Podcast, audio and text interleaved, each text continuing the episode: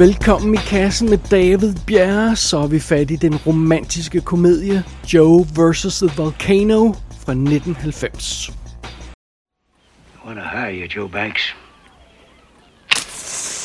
I want to hire you to jump into a volcano. Uh, you know,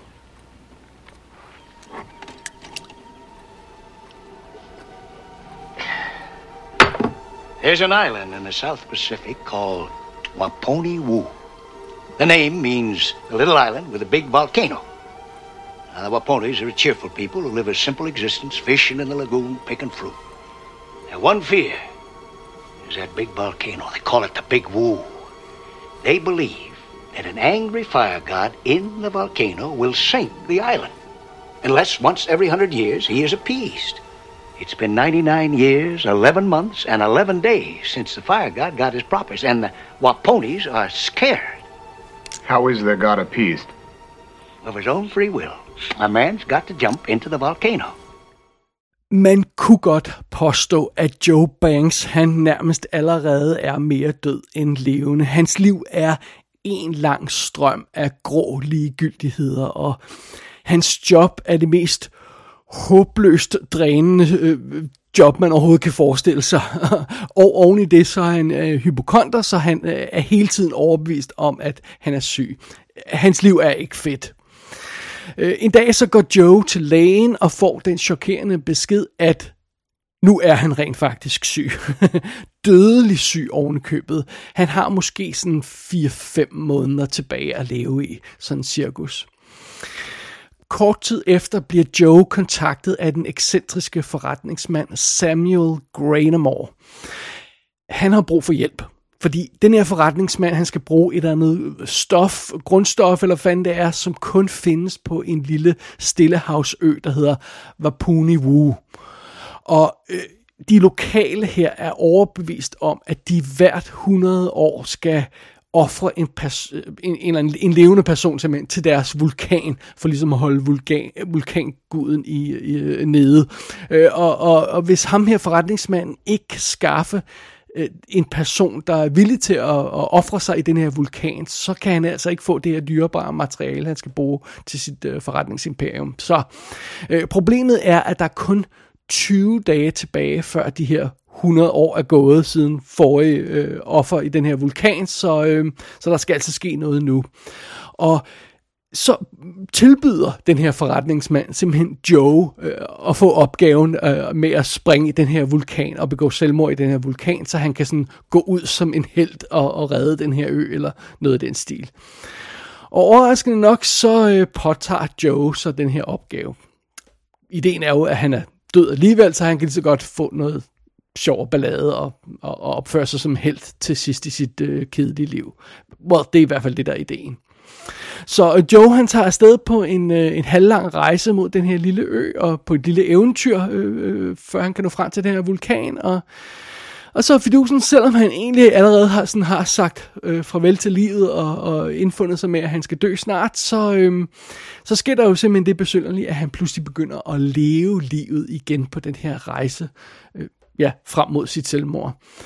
Øh, men altså, der er ikke rigtig nogen øh, vej. Øh, han skal dø om nogle, nogle få dage og øh, øh få uger, så, øh, så, øh, så ja, hvad skal der komme ud af det? Der skal i hvert fald ske et eller andet mirakel for, at, øh, at øh, Joes liv ikke skal være overstået meget snart.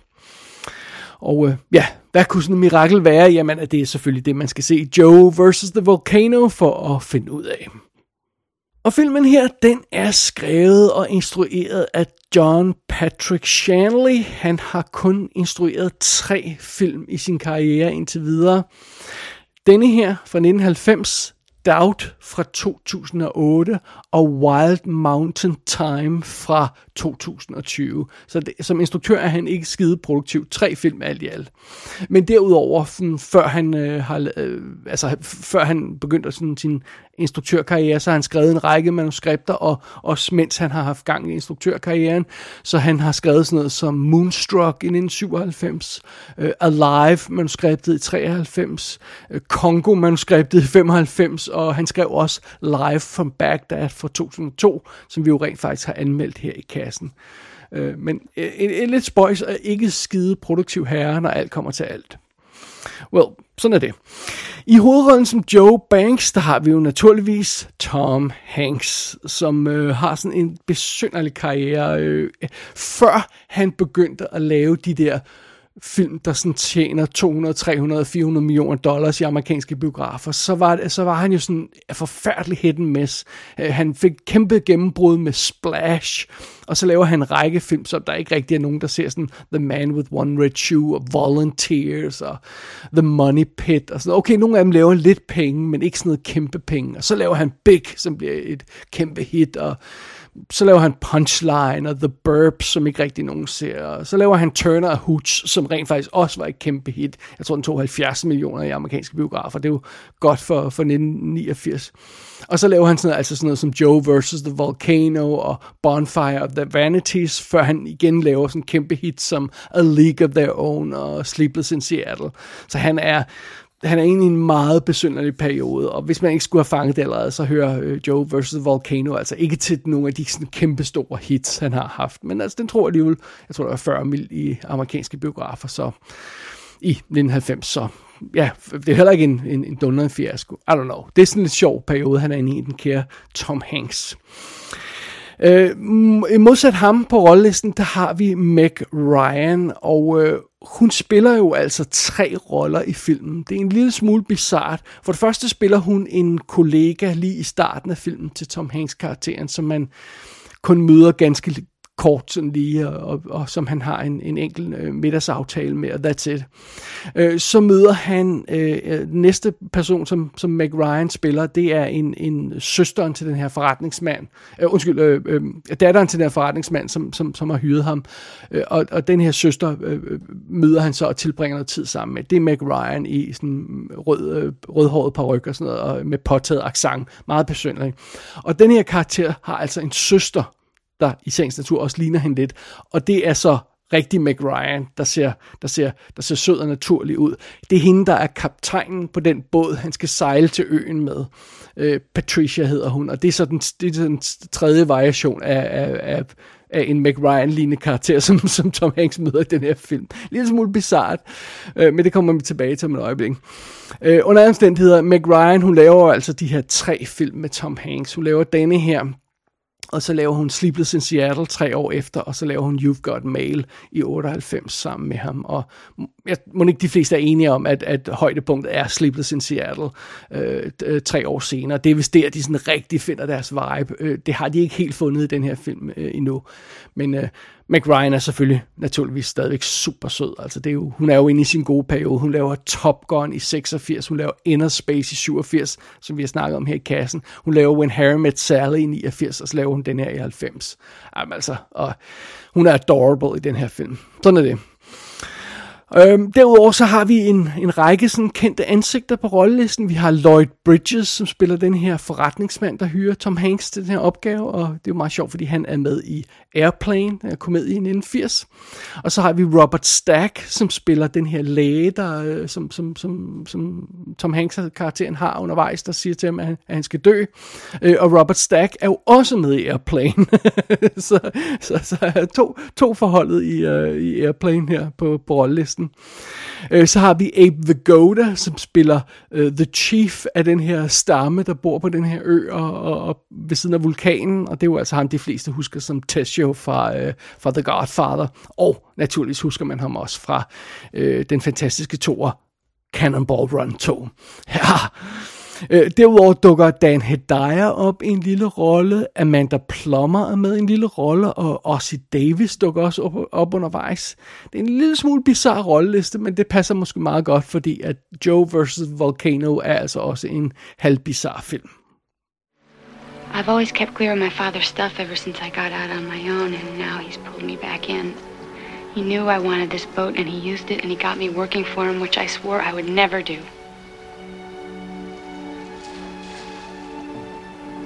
I feel ashamed because I had a price. He named it, and now I know that about myself. And I could treat you like I did back out on the dock, but that would be me kicking myself for selling out, which isn't fair to you. It Doesn't make me feel any better. I don't know what your situation is, but I wanted you to know what mine is. Not just to explain some rude behavior, but because we're on a little boat for a while and I'm soul sick. And you're gonna see that. Joe versus The Volcano. Hvorfor er det lige, vi hiver fat i den her film? Men det gør vi, fordi det er sådan en film, jeg falder over hele tiden, og jeg har aldrig set den før. Jeg synes hele tiden, den bliver nævnt af folk, om det så er på Twitter, eller i diverse filmpodcast, eller øh, andre podcasts, jeg hører, så, øh, så bliver den hele tiden nævnt, og folk forguder den åbenbart. Åh, oh, Joe versus Volcano, åh, oh, mesterværk, og sådan noget. Altså, så, så nu, nu bliver jeg bare nødt til at se den endelig. Så spørgsmålet er naturligvis, lever den op til rygterne? Er det her et fortabt lille 90'er mesterværk? Er det en perle? Er det en ny klassiker? Nej, det er det godt nok ikke. Joe versus The Volcano er en virkelig besynderlig lille film, som jeg ikke er helt sikker på, jeg kan gennemskue. Men lad os tage det fra en ende af. Joe vs. The Volcano starter på en dybt bizarre måde. Vi skal have etableret Joes øh, trøstesløse tilværelse, og det foregår i sådan en ekstremt overdrevet sekvens, der er designet vildt underligt, som om den vil passe fint ind i Terry Gilliams Brazil-univers, eller sådan noget. Altså det ligner sådan en dystopisk øh, fantasiverden, der nærmest ikke har noget med, med virkeligheden at gøre, hvor der er den der kæmpe grå fabrik, og det ser alt sammen meget underligt ud og sådan noget. Øhm, og det er en vildt besynderlig start, og øh, filmen vender aldrig tilbage til den stil. Resten af filmen foregår sådan i en alt lige virkelig verden, øh, øh, og, og øh, det er sådan et, et, et lidt gennemgående tema for den her film. Det, den er fuld af sådan løse tråde, fordi at det, det er vildt underligt, at man starter filmen i sådan en aggressivt designet stil, og så ikke vender tilbage til den stil overhovedet. Plus øh, pointen i den her startscene er simpelthen så tyk og banket ind med syv tommer søm, og, og jeg, jeg kunne ikke lade være med at sidde og se på den her sekvens, hvor oh, vi skal etablere hans forfærdelige job og hans forfærdelige liv. Jeg blev med at sidde og kigge på den her sekvens og tænke, er der, er der sådan en ekstra subtil lag i den her film, jeg ikke længere mærke til? Øhm, well, hvis der er det, så i sagens natur er jeg ikke mærke til det. det. Men det virker bare som om filmen forsøger at etablere hans forfærdelige tilværelse, og det gør den altså med tre store fede streger under. altså det, det, er meget, det er meget skåret ud i pap, og det er igen også meget sigende for, øh, for filmen her. Og selve scenen, hvor Joe han så bliver hyret til at, at begå selvmord i princippet, øh, ved at hoppe i den her vulkan, den, den er simpelthen... Det, det er også sådan en scene, der er så tordne uoverbevisende, at jeg hele tiden sad og ventede på, at der ville komme noget mere, der ville komme en punchline, der ville komme noget, noget ekstra. Men det gør der altså ikke.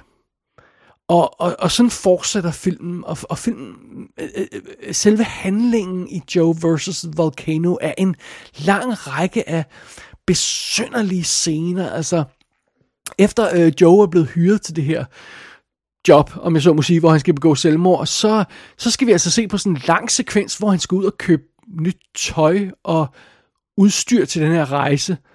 Den her rejse, som kommer til at vare nogle dage, hvor efter han vil begå selvmord. Og det, men, og, men det skal vi have en stor sekvens ud af, øh, hvor han bliver kørt rundt af den her limousine-chauffør, og C. Davis spiller øh, den her rolle, som, og så får de en connection, de her to karakterer, og snakker lidt om livet, og så skal også Davis hjælpe ham til at købe nyt tøj, øh, og så og that's it. Og så kommer der en lang sekvens, hvor, han til, øh, hvor øh, Tom Hanks karakteren tilbringer en dag sammen med version 2 af, af Meg Ryan, og og, og, og, og, og har en eller anden underlig connection til hende, men så har han ikke det alligevel, og, og så forsvinder hun ud af historien. Og hverken Meg Ryan version 2 eller den her øh, øh, limousinechauffør vender vi tilbage til overhovedet på noget plan i den her film. De forsvinder bare ud af, igen det her med, med de her ting, løse tråde, hvor, som filmen bare efterlader undervejs. Det er vildt bizarre. Øh, og, og efter det her, alle de her indledende øh, bemærkninger, så, så, øhm, så ankommer Tom Hanks, altså den her båd, han skal sejle til den her ø med. Og så har vi Meg Ryan version 3, der er kaptajn på den her båd. Og øh, det er faktisk først det, at filmen begynder sådan at falde i hak, fordi man fornemmer, okay, det er nok hende, der skal være love interest. Det er altså efter en time, at vi er nået til det punkt i den her sådan, hvad, 100 minutter lange film, eller sådan noget en stil der.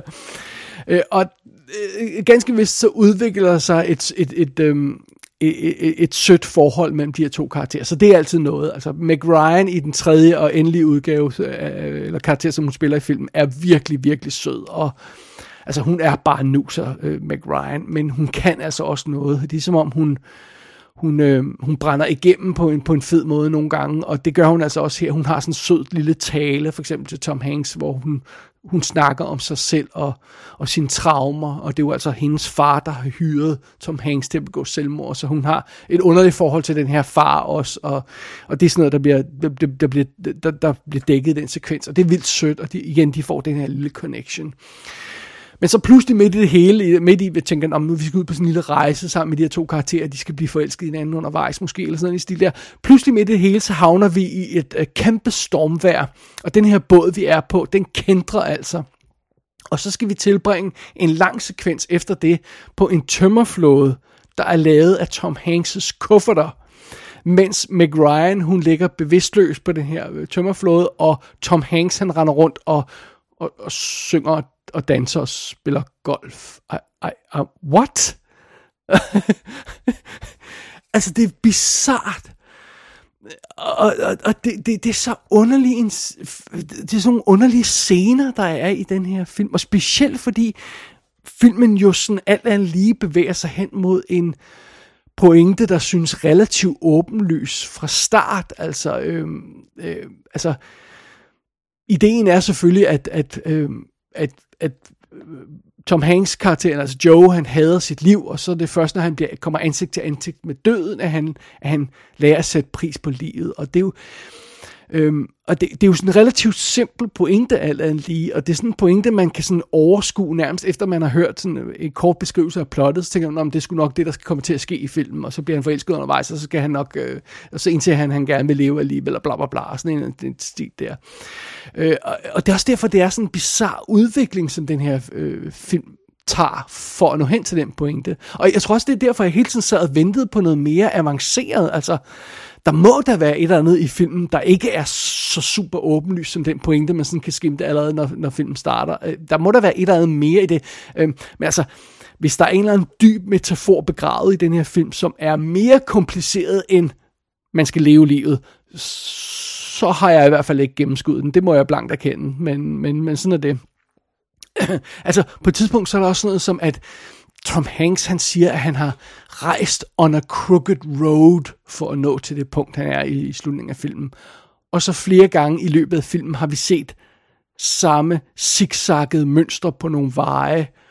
Og det er så den crooked road, han har rejst. Og men der er til synligheden ikke mere i den point. Altså, kan det virkelig passe, at der ikke er mere, at, mere i det, end at der er nogle crooked roads, og så har han rejst en crooked road, og så er, er, er symbolikken virkelig så tyk i den her film. Er, er, I guess so. Men det går naturligvis meget godt i, i hånd i hånd med, med, med selve dialogen i filmen, som er sådan to, totalt spot on nogle gange, on the nose, som vi siger på godt dansk. Altså overraskende ukompliceret dialog, der er i den her film.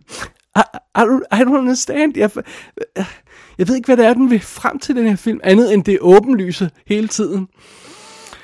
Så i, i stedet for at byde på sådan en eller anden avanceret plot med nogle flere lag i, eller sådan en eller anden øh, øh, øh, ordentligt opbygget pointe, så, så byder filmen altså på, på, på en række underlige scener og masser af løse tråde og en masse underudviklede idéer. Tag for eksempel det her med, at Meg Ryan, hun spiller tre roller. Hvorfor gør hun det? Jamen, på et tidspunkt så siger Tom Hanks til Meg Ryan, første gang jeg så dig, der følte jeg, at jeg havde set dig før. Men det siger han til Meg Ryan version 1. Havde det ikke givet meget mere mening, hvis han sagde det til Meg Ryan version 3? Altså, så kunne det være sådan et eller andet med, at det er som om han sådan hele filmen igennem har set det, der ender med at blive hans livs kærlighed. Han har set hendes ansigt på andre kvinder gennem hele filmen. Det er sådan en meget sød pointe.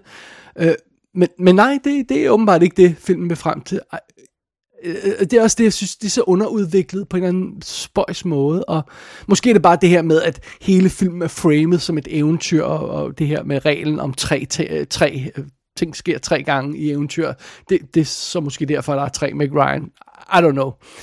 Og med hensyn til alle de her løse tråde, jamen altså filmen bruger så meget tid på at etablere ting, der ikke bliver brugt til noget. Den her venlige limousinechauffør, og, som vi skal have etableret, og så tilbyder Tom Hanks, at de, skal de ikke spise middag sammen og, og sådan noget. Så siger jeg, men det har jeg ikke tid til. Så forsvinder han ud af historien, efter vi har brugt det helt vildt lang tid på at etablere ham. Og igen det her med Mac Ryan version 2 karakteren, synes også at mangle et eller andet, som om der bliver lagt op til, at den skal bruges til noget, den her karakter, men den forsvinder så ud af historien igen.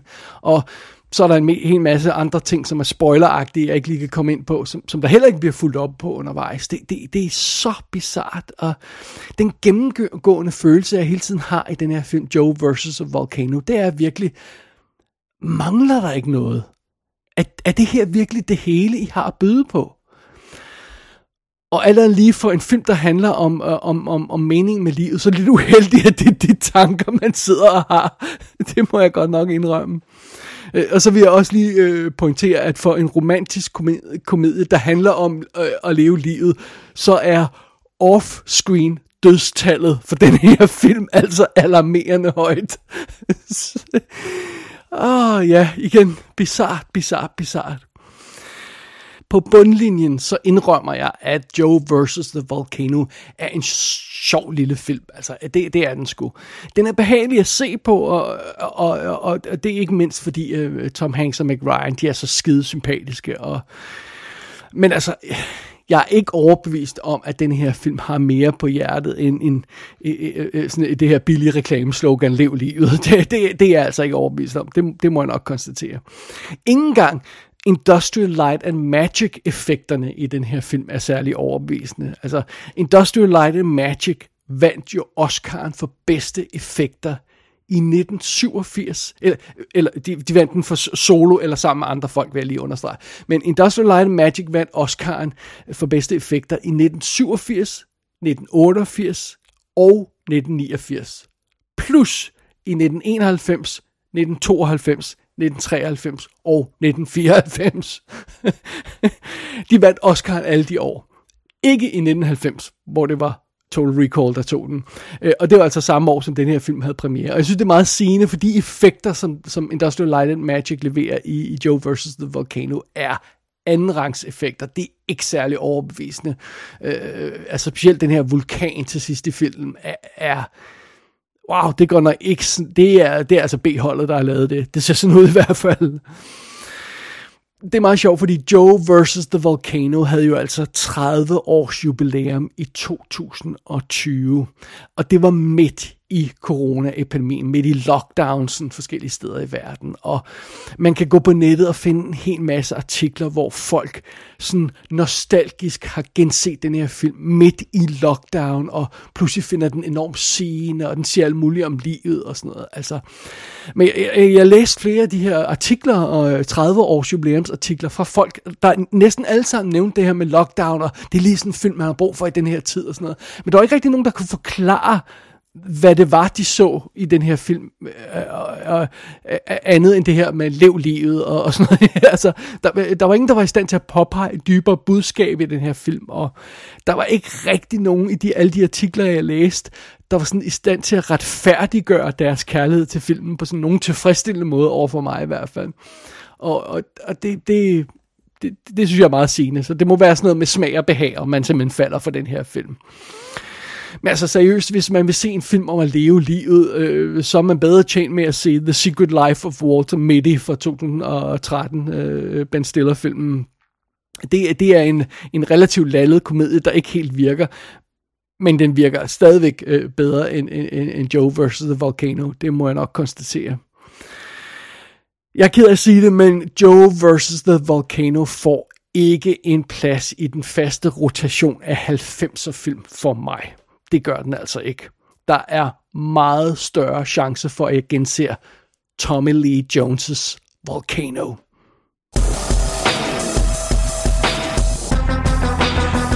Joe vs. The Volcano er ude på amerikansk DVD og kodefri amerikansk Blu-ray med lidt småtteri af ekstra materiale. Gå ind på ikassenshow.dk for at se billeder fra filmen. Der kan du også abonnere på dette show og sende en besked til undertegnet. Du har lyttet til I Kassen med David Bjerg.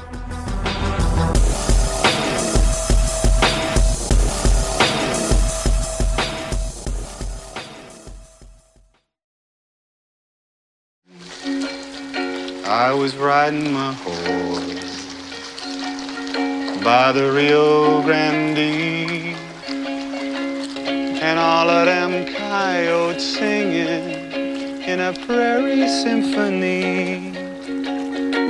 I was riding my horse down by the Rio Grande when I seen me a cowboy, cowboy, cowboy riding towards me. Yo, yo, cowboy. Yo, yo, yo, yo, cowboy, cowboy, cowboy.